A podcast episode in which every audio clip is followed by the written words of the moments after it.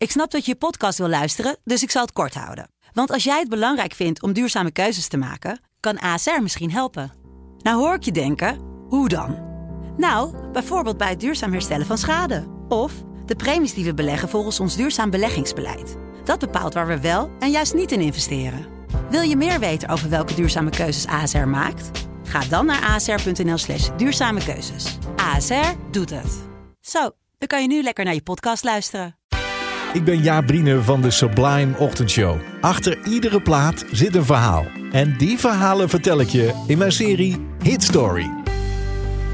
Vandaag vertel ik je het verhaal achter Back to Life van Soul to Soul. Sublime Ochtendshow. Hit Story.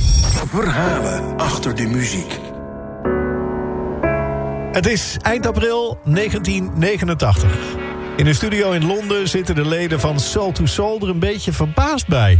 Ze hebben net te horen gekregen dat de single Keep On Moving... die ze twee maanden geleden uitbrachten... weer gestegen is in de hitlijsten.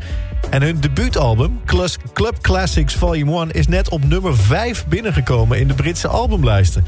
En ze zijn zo verbaasd omdat ze eigenlijk helemaal niet hadden verwacht... dat hun muziek zo'n groot succes zou worden. Ja, in de discotheek, in de nachtclub, want daar hadden ze het voor gemaakt.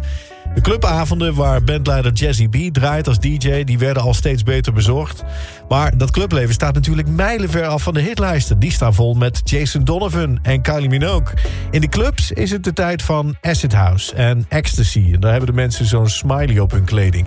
En daar was het waar Jazzy B zijn eigen, met zijn muzikale maat Nelly Hooper... langzamerhand zijn eigen beats begon te ontwikkelen. Zijn eigen geluid begon te krijgen. Beetje invloeden uit het Caribisch gebied, uit Afrika... Voor een van die nummers vroeg hij een bevriende zangeres. Lekker disco-liedje dat hij had geschreven. Keep on Moving was dat. Die zangeres was Karen Wheeler. En zij zit ook in de studio. Zij is ook verbaasd over het succes van die single en van het album.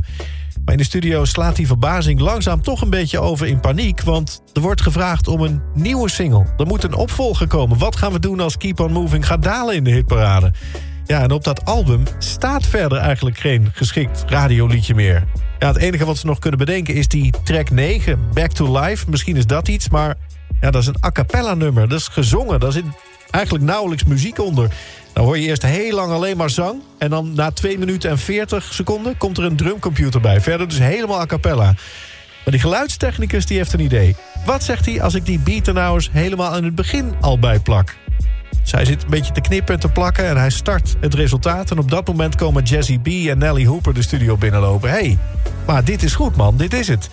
Dit moet de volgende single worden. Ze maken samen snel een nieuw arrangement. Karen schrijft nog wat extra tekst, zingt het in. Er wordt wat extra muziek bijgezet en klaar is het. Back to Life, met tussen haakjes However Do You Want Me, wordt die nieuwe single. En dat wordt uiteindelijk een monsterhit in de zomer van 1989. Nummer 1 in de Britse hitlijsten, waar ze Jason Donovan van de troon stoten. Nummer 1 in de Nederlandse hitlijsten, waar ze No More Bolero's van Gerard Joling van de troon stoten. En bovendien een grote hit in Amerika. En het album, Club Classics Number 1, wordt een klassieker. Verkoopt uiteindelijk ruim 3 miljoen keer. Met dus die gekke a cappella versie van Back to Life erop, die wij niet kennen. Maar de platenmaatschappij had daar wat op gevonden, want kocht je de cd... dan kreeg je er gratis een mini-cd-singeltje bij. En daarop stond de hitversie van Back to Life. Deze versie.